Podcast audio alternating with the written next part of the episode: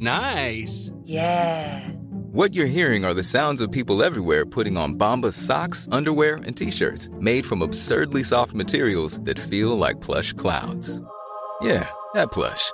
And the best part? For every item you purchase, Bombas donates another to someone facing homelessness. Bombas. Big comfort for everyone. Go to bombas.com slash ACAST and use code ACAST for 20% off your first purchase. That's bombas.com slash ACAST. Code ACAST. It's that time of the year. Your vacation is coming up. You can already hear the beach waves, feel the warm breeze, relax, and think about work. You really, really want it all to work out while you're away.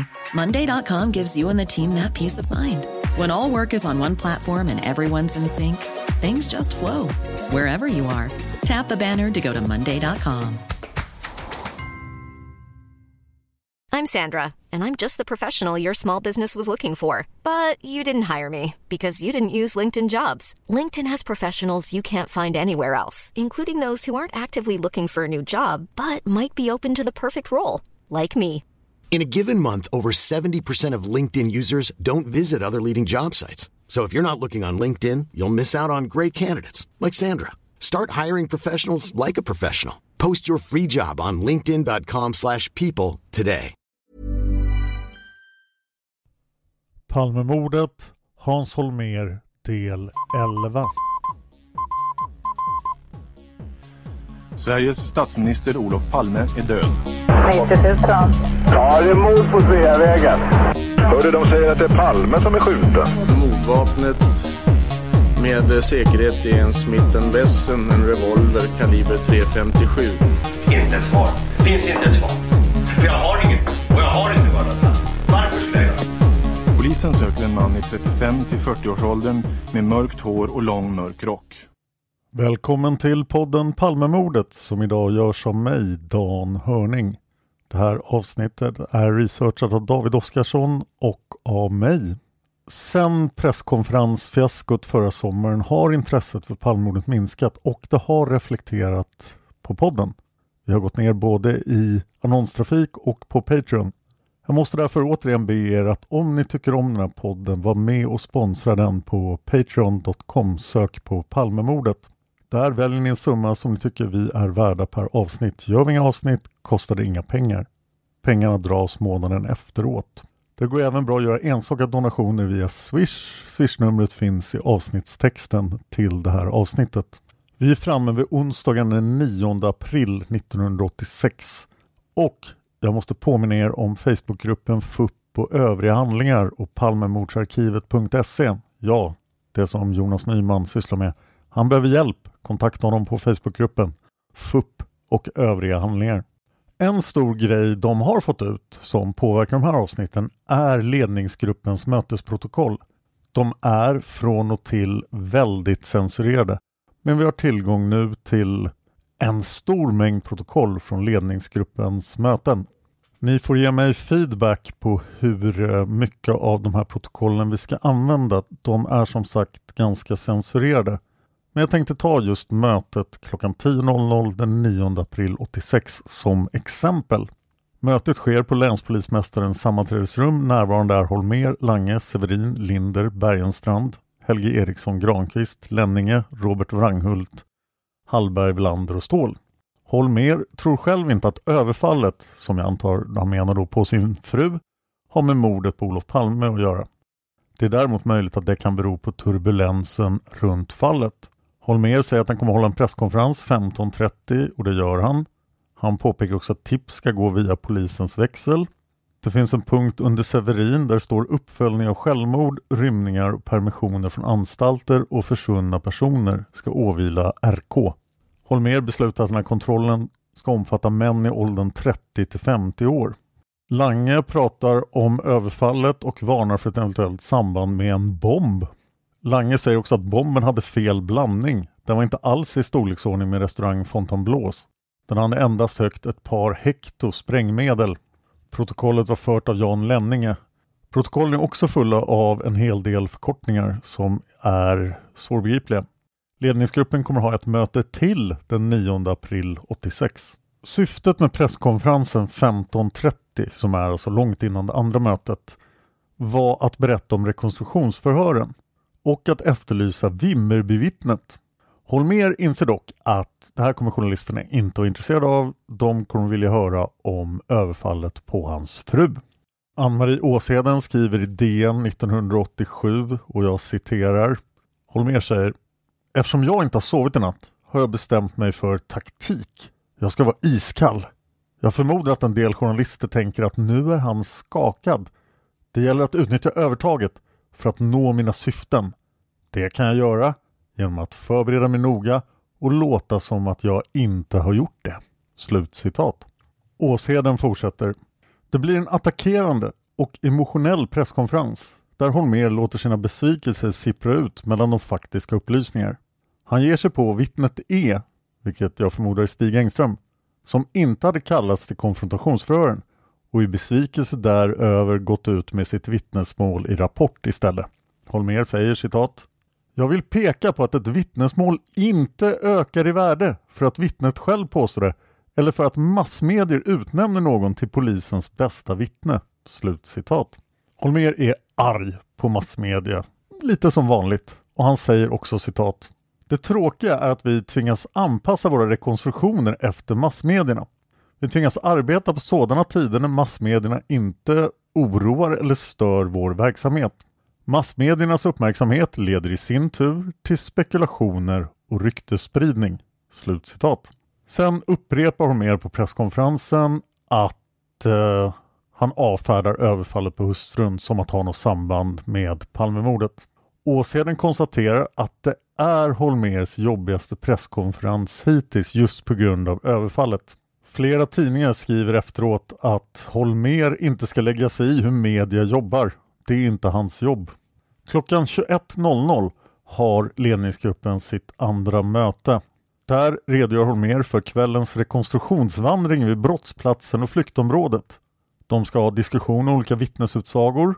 Lenninge redogör för uppläggningen av en skiss och en förteckning över vittnesiakttagelser på brottsplatsen. Det beslutas att återsamling sker i länspolismästarens sammanträdesrum klockan 23 för genomgång av kvällens rekonstruktionvandring. Sen är ganska mycket censurerat. Det kommer också fram att en högerhandske har hittats intill södra sidan av Johannes kyrkogård. Enligt uppgift har handsken legat på en hög av gatsten.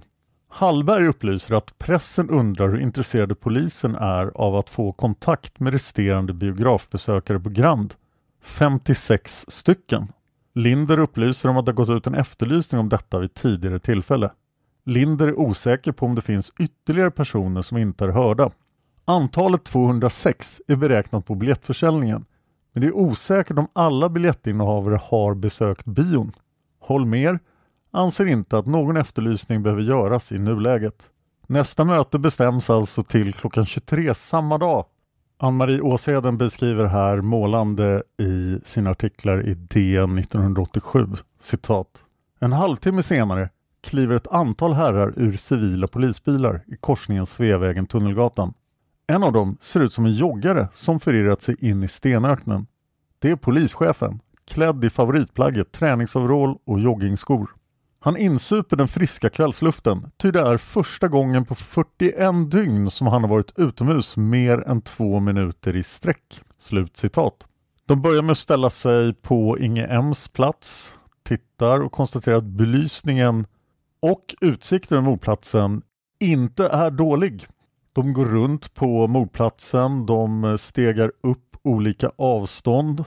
De försöker gömma sig som Anders B och de går förstås in på Tunnelgatan och funderar på Lars J's vittnesmål.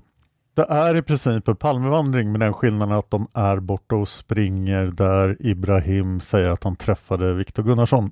De avslutar med att göra det ännu mer som en Palmevandring de ställer sig grand, går förbi korvkiosken, sneddar över Sveavägen, tittar i Saris skyltfönster och sen hoppar de in i bilarna igen.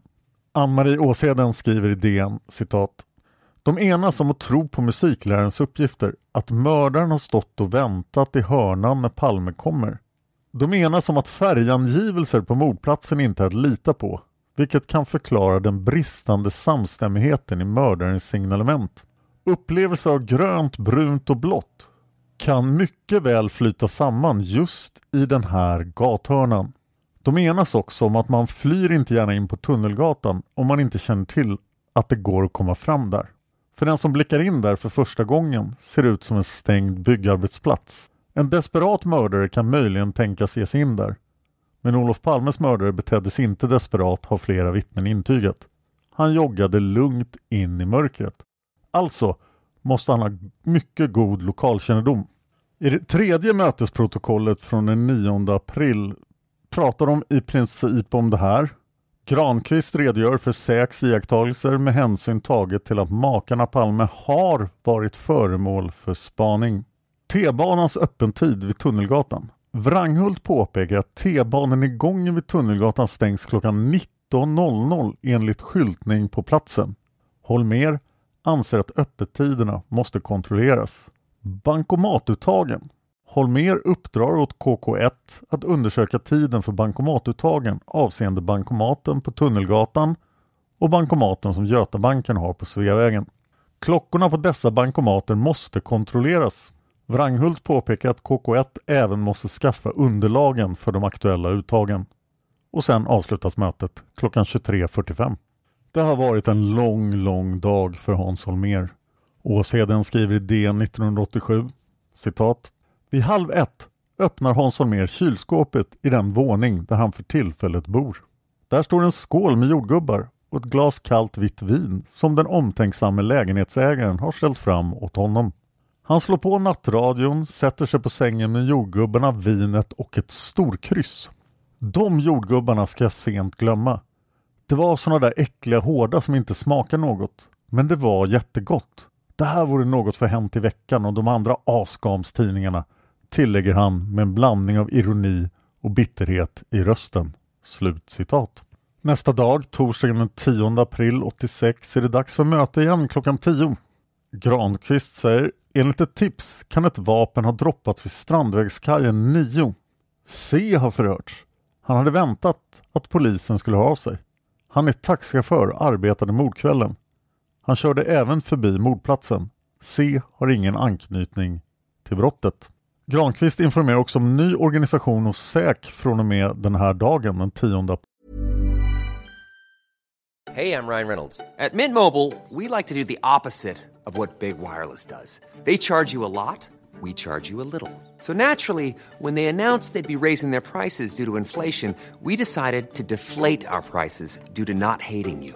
That's right. We're cutting the price of Mint Unlimited from $30 a month to just $15 a month. Give it a try at mintmobile.com slash switch. $45 upfront for three months plus taxes and fees. Promo rate for new customers for limited time. Unlimited more than 40 gigabytes per month. Slows. Full terms at mintmobile.com. When you're ready to pop the question, the last thing you want to do is second guess the ring. At Bluenile.com, you can design a one-of-a-kind ring with the ease and convenience of shopping online. Choose your diamond and setting. When you find the one, you'll get it delivered right to your door. Go to Bluenile.com and use promo code LISTEN to get $50 off your purchase of $500 or more. That's code LISTEN at Bluenile.com for $50 off your purchase. Bluenile.com code LISTEN.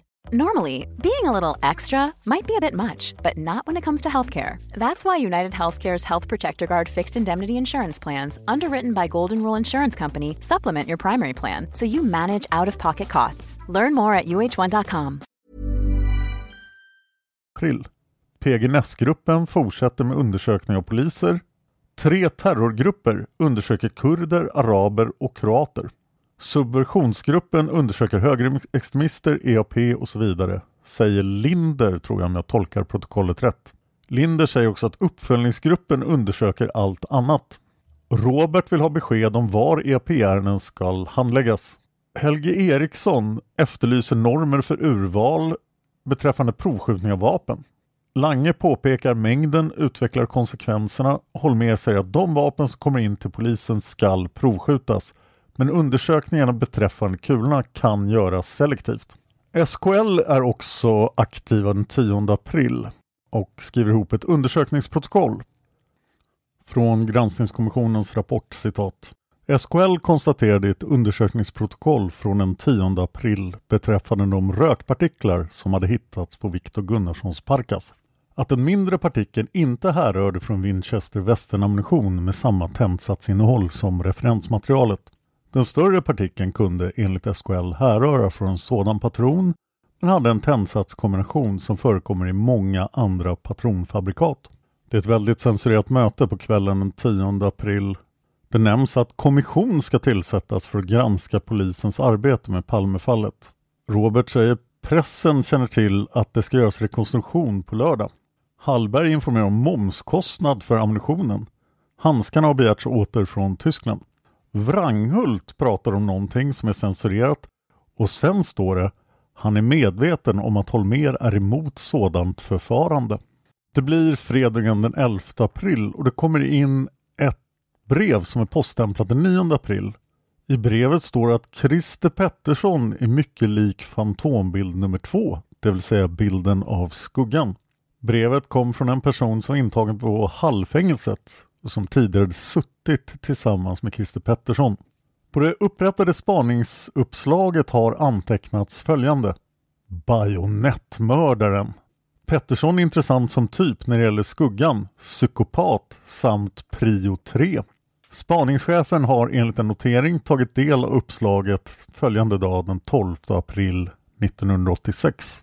Palmeutredningen flyttar in i det nya Palmerummet. Där kommer de att ha sina möten framöver klockan 10 och 18 varje dag. Holmer tänker inte visa upp det här rummet för pressen. Han har ett ansträngt förhållande till media. Media vill förstås att han ska ge dem mer information, men det kan han ju inte göra, för det skulle äventyra utredningen. Ann-Marie Åseden skriver i DN långt senare, citat, Han blir allt mer besviken på journalisterna som man inte tycker förstår att han faktiskt berättar så mycket han kan berätta. En del av hans livslust var just detta samspel med pressen och nu blir han misstänkliggjord var och varannan dag. Hans Holmér säger Jag vore en idiot om jag berättade mer. Det skulle äventyra utredningen. Nej, det är inte förhandlingsbart. Slut citat. Under hela den här tiden i april jobbar kriminalarna på våldsroten genom den enorma mängden tips som har kommit in. Notera att det alltså fortfarande är 300 poliser i Palmeutredningen. Glasögonen som hittades på Snickarbacken är en stor sak i polishuset. En hel del energi ägnas åt glasögonen. Det blir fler och fler delutredningar inom den större Palmeutredningen. Nya personer övervakas av spanarna. Varje dag ökar mängden arbete. Tips leder till ännu mer arbete. Folk måste förhöras. Det blir en hel del inre spaning. I mötesprotokollen från den 11 kan man läsa Holmer omtalar att det nya ledningsrummet blir klart idag. Arbetet har utförts på rekordtid. En vecka har det tagit. Holmer redogör för de arbeten som utförts i rummet och Holmer upplyser att taklagsfest kommer att hållas på måndag. Holmer upplyser också om att det inte är någon presskonferens idag. Där står också undersökning av personer som nyligen påbörjat avtjänandet av straff. Severin påpekar att det kan vara ett bra sätt att gömma sig för en gärningsman att påbörja avtjäning av eventuellt fängelsestraff. Wranghult påpekar att kontroll bör ske av de som har börjat avtjäna straff i mars 1986. Robert, det kanske inte skulle uttalas Robert. Här är det nämligen en accent på namnet. Robert upplyser att det igår greps en, och sen är det censurerat, men jag tror det ska stå nazist, för rubriken är nazister. Misstanke om olaga vapen och innehav förelåg. Han släpptes efter förhör. SÄK har inget på honom. Robert upplyser också att SÄK fortsätter arbeta med PLO samt Iran-Irak. Notera alltså att PKK definitivt inte är huvudspåret än, men Hans Holmér måste ju fatta att det inte kommer att gå hela vägen med Viktor Gunnarsson. Säpo är däremot under april i full fart med att jaga kurder. Ann-Marie Åsheden skriver i DN 87 citat Säkerhetspolisen och Rikskrim fortsätter under april att plocka in kurder till förhör. De betar sig igenom alla kända PKK-are och alla som man vet fanns i utkanten av de interna kurdmorden i Uppsala sommaren 1984 och på Medborgarplatsen hösten 1985. Arbetet går långsamt. Förhören måste hållas med tolk och tolkar som kan kurdiska är en bristvara. Inte ger det mycket heller. Kurderna anses vara bra på att hålla tyst och skydda varandra. Många av dem har erfarenhet av betydligt plågsammare förhörsmetoder. än de som den svenska polisen använder. En av dem berättar att han i förhör med den turkiska polisen har hängts upp i tårna och kommenterar detta med att det bara gjorde ont de två första timmarna. Det är inte utan att de svenska kriminalerna känner sig i underläge med sin civiliserade rättegångsbalk.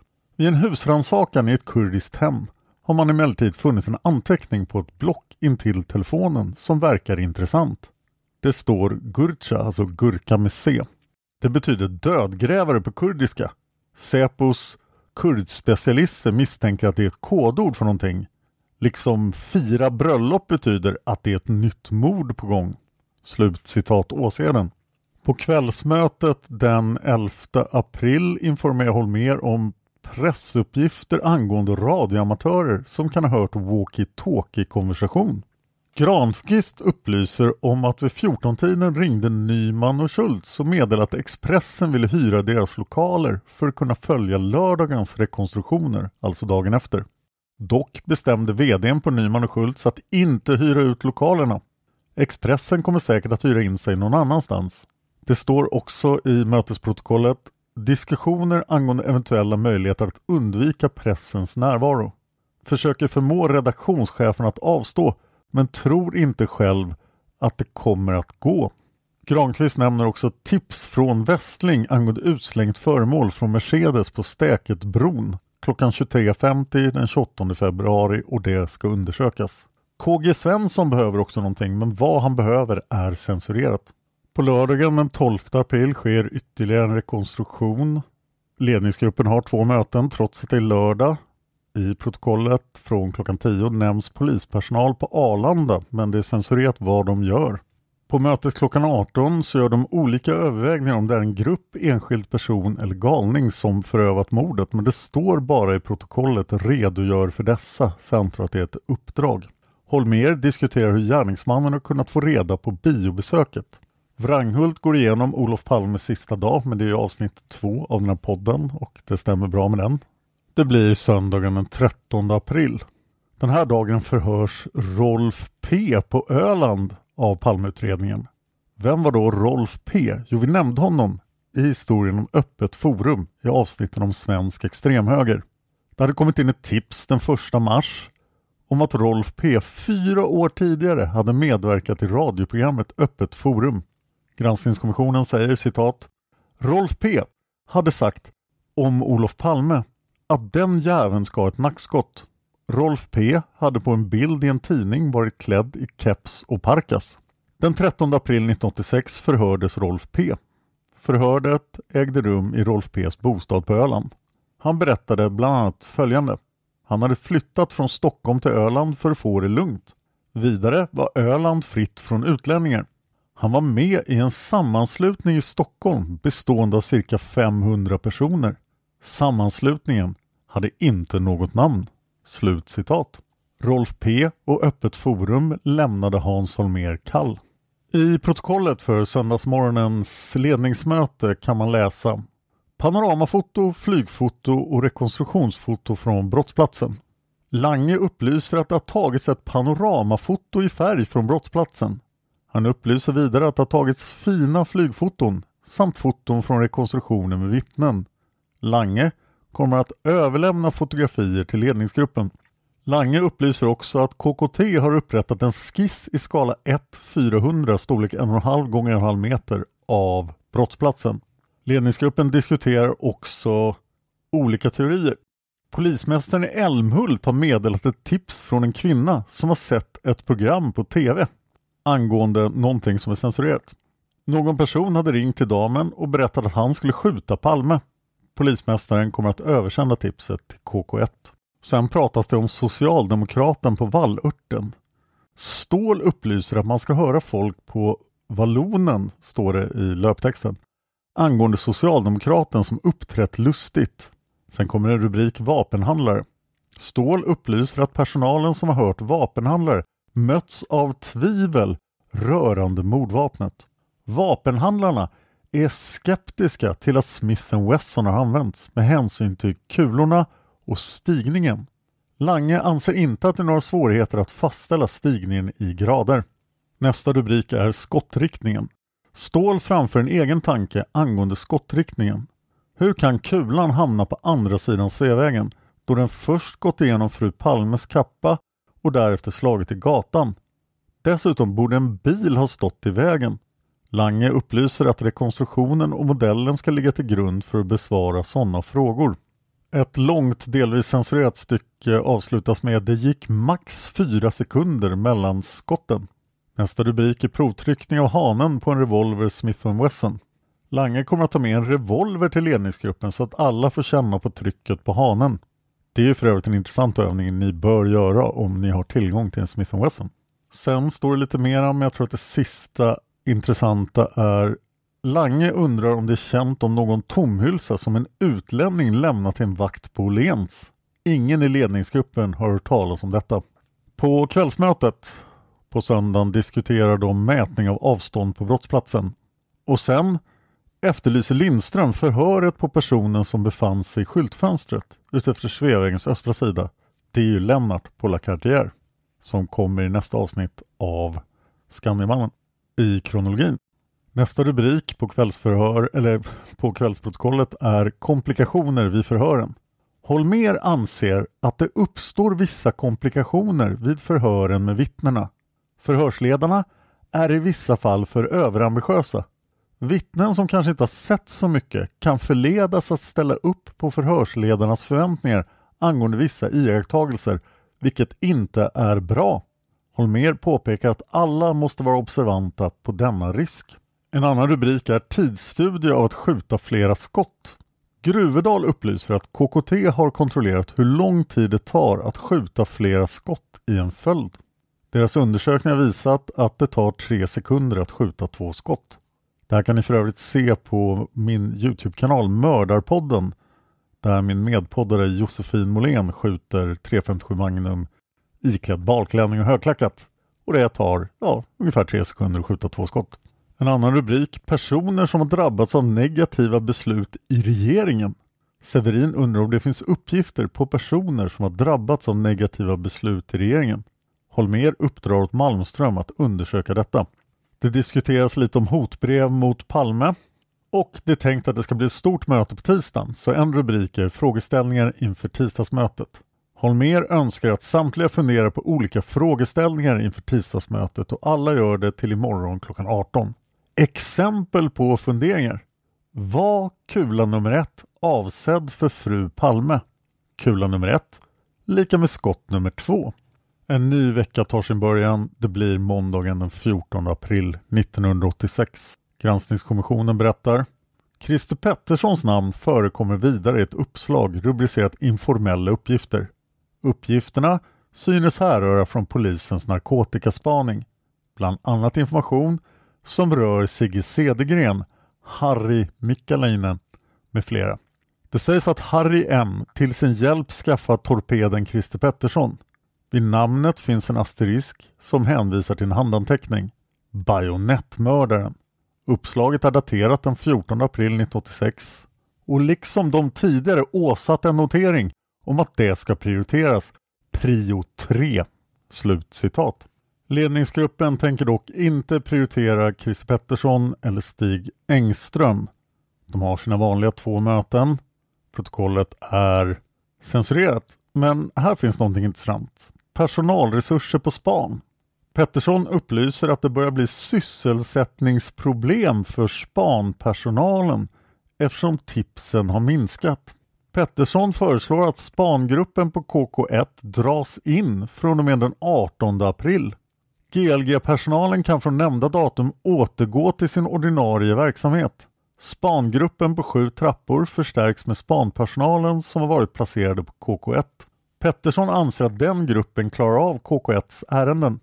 Holmer godkänner Petterssons förslag. Någon har hittat en Smith Wesson, det är otroligt censurerat, men det slutar med Severin undrar var förhören med polisman L finns. Det står förstås inte polisman L, utan det står hans namn. Granqvist upplyser att PG Ness har förhören. Undersökningsresultatet från Västtyskland. Wranghult upplyser att Krusell har varit i kontakt med Västtyskland och fått beskedet att undersökningsresultatet kommer senast på fredag. Resultatet visar bland annat att skjutavståndet på Palme är cirka 20-30 cm och skjutavståndet på fru Palme är något kortare än en meter. Palmes kläder är undersökta. Kvällsmötet är ganska ointressant. Det står att Olof och Lisbeth Palmes släkt kanske bör undersökas, tycker Ståhl. Linder säger relaterar ett fall som belyser pressens behandling av ett ärende med en kvinna som lider av minnesförlust. KK1 vill ha redovisning fortlöpande. Tisdagen den 15 april är det dags för maratonmötet. Åsheden skriver i D 1987 citat. Nästa maratonlopp inträffar på tisdagen därpå. Ett fem och en halv timme långt sammanträde där spaningsledningen går igenom alla frågor som aktualiserats av rekonstruktionerna. Det går åt många koppar kaffe, ty frågetecknen är fortfarande fler än faktasatserna. Vittnena börjar bli sönderhörda och det har visat sig att det är svårt att diskutera ett händelseförlopp som det här utan en struktur. Hans Holmér har förberett sig genom att strukturera upp allt i frågor. De ställs nu i tur och ordning och följs av samma böljande diskussion som har blivit tradition i spaningsledningen. Slutcitat. Det är ett långt protokoll och det diskuteras mycket men jag ska försöka ta ut godbitarna. Holmer upplyser om bandinspelningen hos LAC mordkvällen den 28 februari. Larm till Solna Taxi. Holmer upplyser att Lenninge kommer undersöka om det finns några uppgifter hos Solna Taxi. Bilar vid mordplatsen. Holmér redogör för de bilar som befann sig till mordplatsen då dådet förövades. Minst fem bilar befann sig i området. Och det stämmer ganska bra med den bild vi har idag. Bankomattiderna. Sjödin upplyser att undersökning pågår i avsikt att fastställa uttagstiderna på bankomaterna vid Tunnelgatan och Götabanken på Sveavägen. Övervakningssystemet tolererar en felmarginal på två minuter. Bankomatklockorna är inte synkroniserade mot Fröken Ur. Lite senare, slutsats angående skott nummer två. Allmän diskussion angående gärningsmannens avsikt med skott nummer två. Holmér drar den slutsatsen att varken den ena eller andra teorin kan avfärdas huruvida gärningsmannen haft för avsikt att skjuta Lisbeth eller inte. Detta kan inte avgöras i nuläget. Motivet talar för att det är sannolikt att båda skotten var avsedda för Olof. Skott i ryggen. Diskussion om varför gärningsmannen sköt Palme i ryggen. Holmer anser att en hatfylld mördare borde ha skjutit Palme framifrån. Någon annan anser att ett skott i ryggen tyder på en viss planläggning.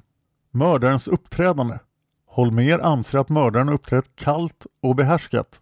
Beskrivning av gärningsmannen. Holmer upplyser om vad som är känt om gärningsmannens beskrivning. Cirka 40 år, cirka 180 cm lång, kraftig kompakt kropp, iklädd mörka kläder, tre fjärdedels lång rock ner mot knäna.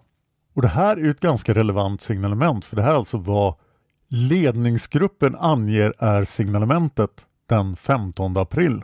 Lite senare, om gärningsmannen bor i området. Diskussion om vilka möjligheter som finns att kontrollera folk som bor i området. Holmer beslutar att en bearbetning av samtliga området mantalsskrivna personer ska ske genom SL Petterssons försorg. Gäller ej området väster om Sveavägen, till exempel Hälsingegatan. Mordvapnet. Lange upplyser att det enligt uppgift från SKL är enbart 6 till 7 fall där 357 har använts som mordvapen. På kort tid har 357 använts i tre fall. Skjutningen i Salem, Palmemordet samt rånet i Malmö. Vapnet är intressant i undre världen. Men vi konstaterade tidigare att ingen hade skjutits till döds med en 357 Magnum på många år innan Palmemordet. Så de morden måste vara äldre. Valet av ammunition. Allmän diskussion om valet av ammunition. Det här är en ovanlig typ av ammunition. Patronerna kostar 3 kronor styck. Ammunitionen slutade att tillverkas 1981. Ammunitionen tillverkades under cirka 16 år. Den tillverkas huvudsakligen för att stoppa bilar med i USA. Ståhl upplyser att vapenhandlarna inte gör någon notering om vilka som köpt den aktuella ammunitionen. Det räcker för köparen att uppvisa vapenlicens för att få köpa ammunitionen. Lange är av den uppfattningen att den aktuella ammunitionen används för att ge skytten en extra kick. Anmält stulna Smith Wesson. Linder upplyser att det för tillfället är åtta Smith Wesson som är anmält stulna. Dödande skott. Holmer undrar hur långt ner i kaliberstorlek man kan gå för att få ett dödande skott. Lange upplyser att sju större än 65 räcker för att få ett dödande skott i ryggen. Den aktuella ammunitionen är att jämställas med 9 mm enligt Lange. Skottsäkra västar. Diskussion om vad västar tål. Holmer upplyser att det lär finnas en väst som det krävs pansarbrytande ammunition för att få hål på. Skuggning, övervakning av Palme. Melén redogör för iakttagelser som är gjort av personer som kan misstänkas för övervakning av Palme före mordet. Det finns cirka 30 iakttagelser före klockan 20.40 morddagen. Holmer undrar om ett proffsgäng skulle avslöja sig i samband med övervakningen.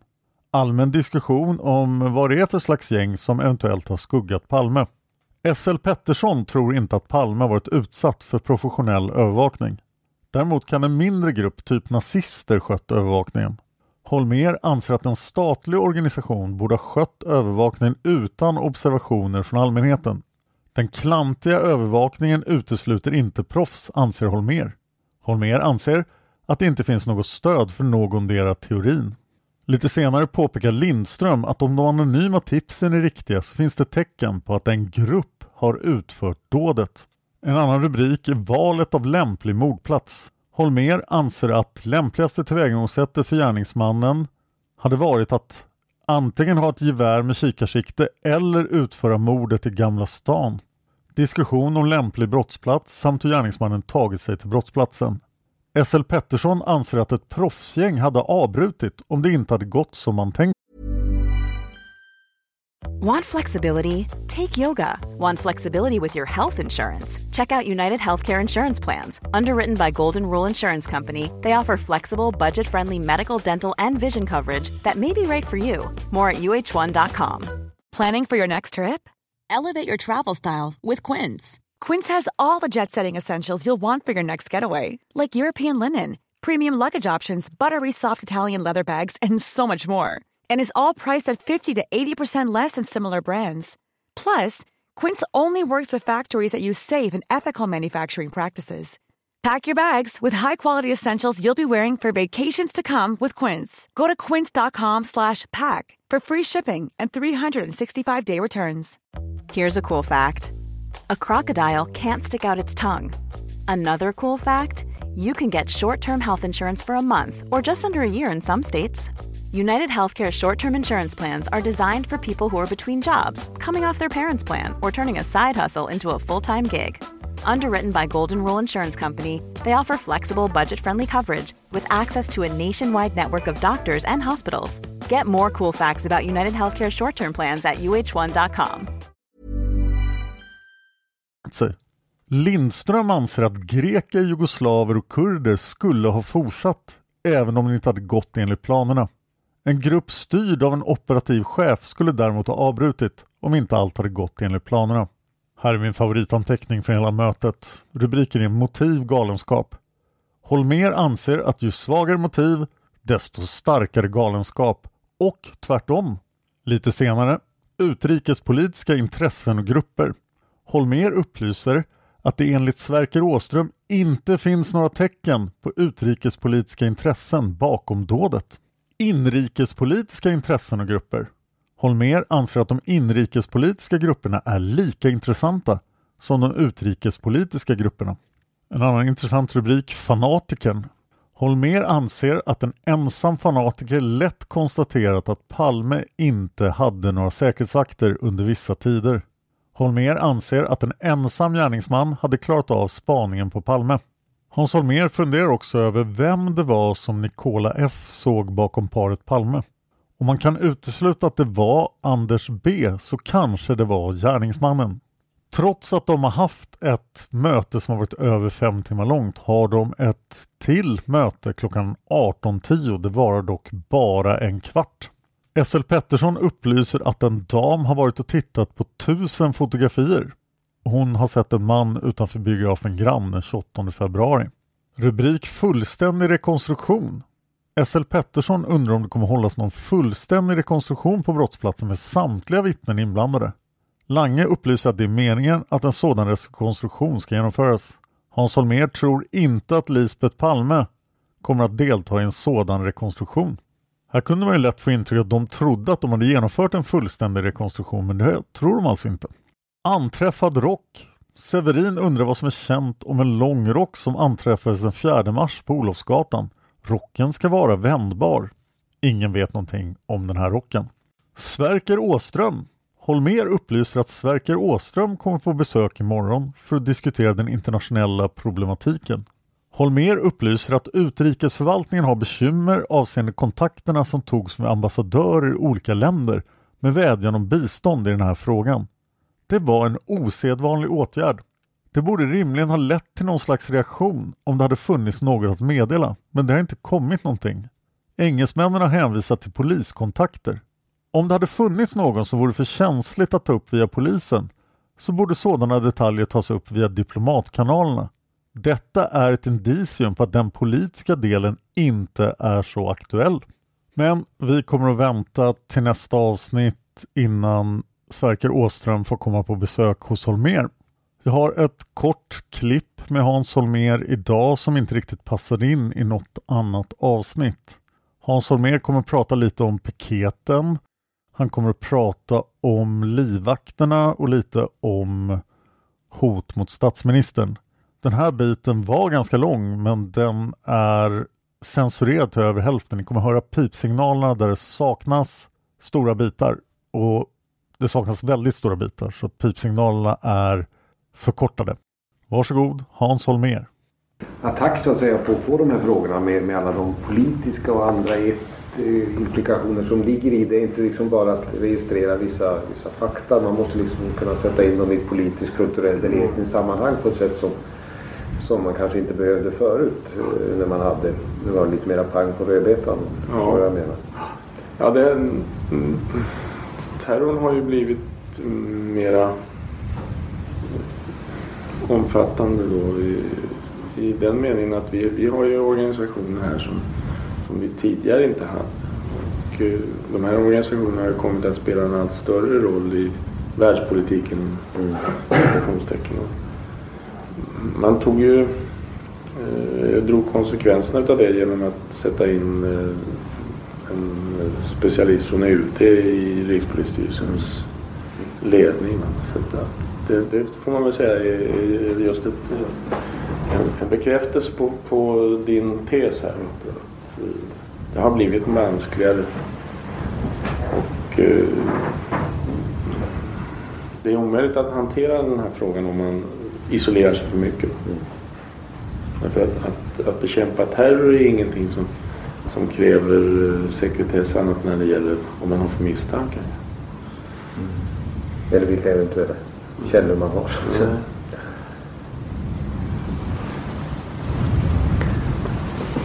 kan jag fortsätta med. Jag tänkte fråga så här beträffande piketgrupperna. Stockholmspolisen gjort en intern undersökning av deras kapacitet att ingripa.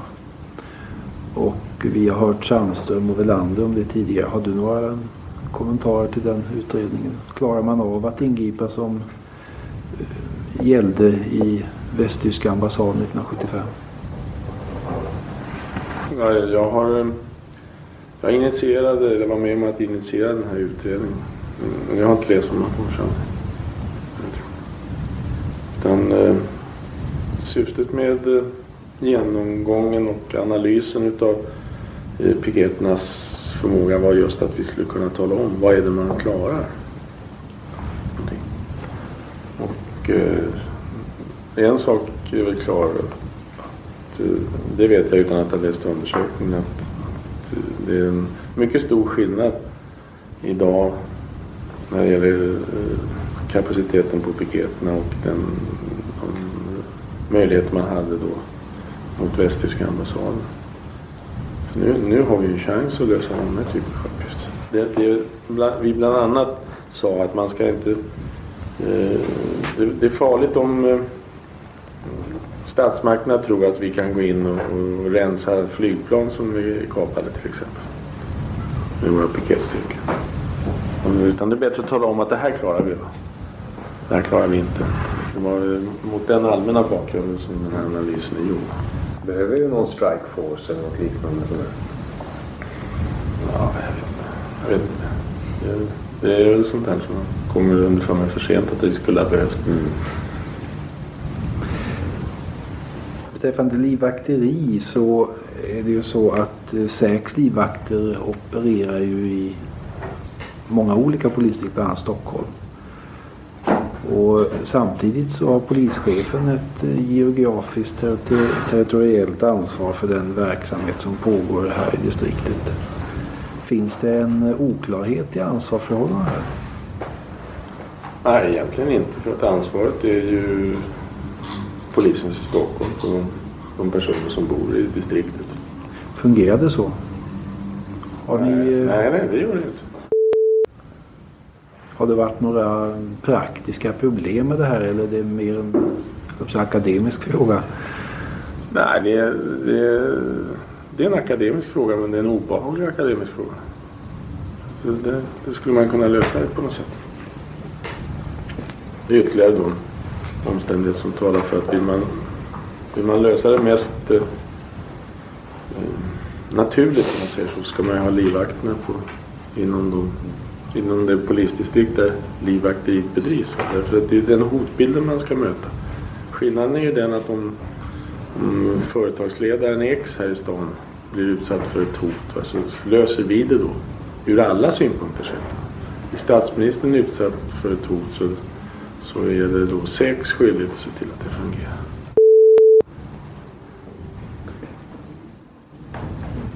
Ni har ju, ju de, de här organisationerna har ju så tillvida haft en, en gemensam bas att utbildningen i allt väsentligt har varit, den basutbildningen har varit densamma? Ja. Nu, om inte jag är fel underrättad så, så har man på att bryta upp det, eller Ja. ska man bryta upp det?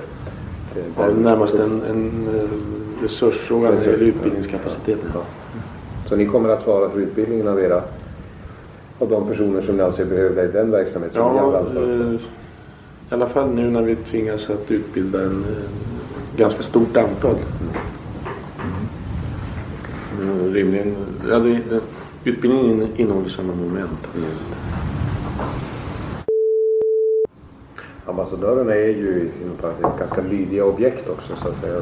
Det är de kanske det. Jo, men det, det beror ju till en del också att de, de eh, är kanske mera tar hoten lite mer på allvar om jag säger så. Har sett en del. Mm. Jaha, någon ytterligare fråga? Jag är nöjd. Jag ville bara ha en kommentar till det här PMet som du läste om tidigare där också. Är det någon som har någon annan ytterligare fråga på det här avsnittet till herr Holmér? Då kan vi stänga av bandet.